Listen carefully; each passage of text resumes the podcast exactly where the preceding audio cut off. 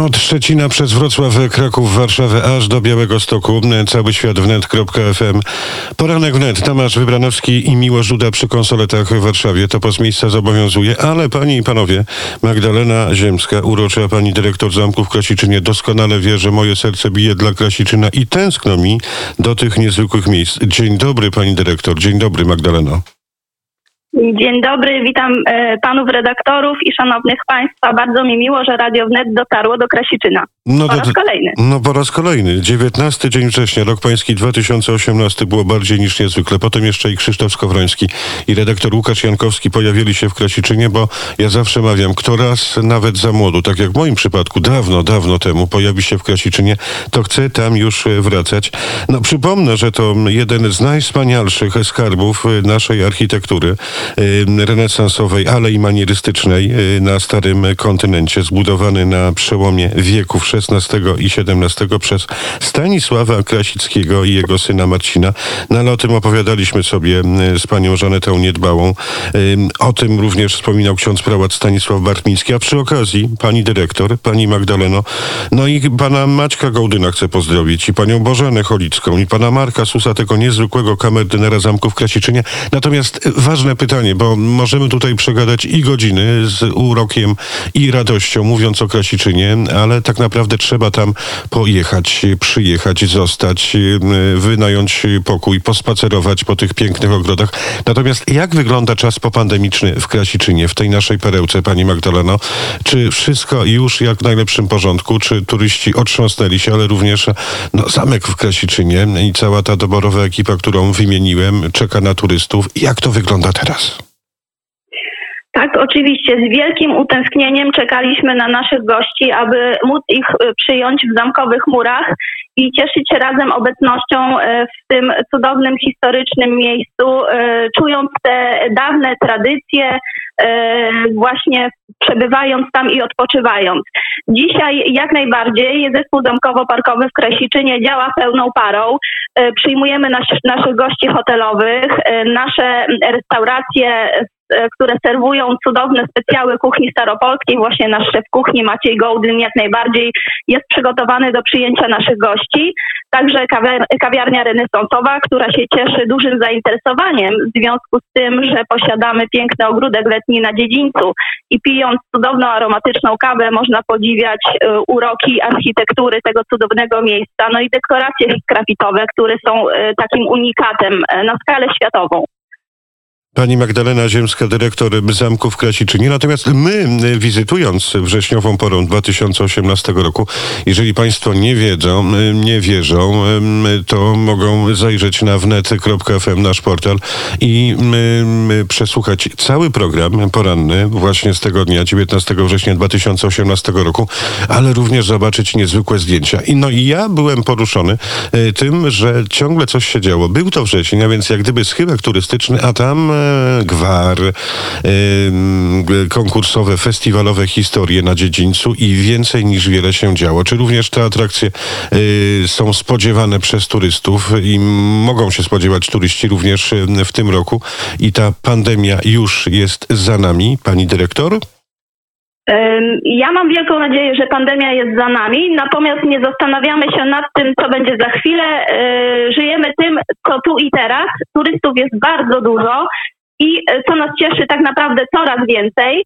Więc oczywiście przygotowaliśmy dla naszych gości wiele atrakcji e, i mogę tutaj powiedzieć, że już dzisiaj o godzinie 20 e, w ramach festiwalu Dziedzictwa Kresów odbędzie się koncert Zaginione Skarby. To jest koncert kameralny na wiolonczele, skrzypce i fortepian.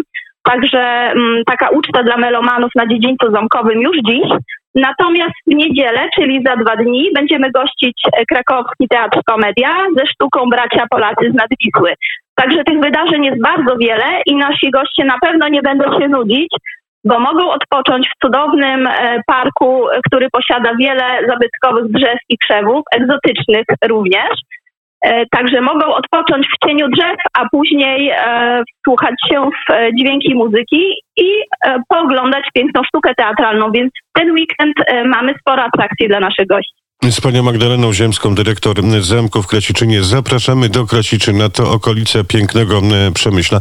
Natomiast pani Magdaleno, opowiedzmy jeszcze o tym, a propos tego parku, o tym niezwykłym drzewie, który sprzyja zakochanym, jakby nie patrzeć.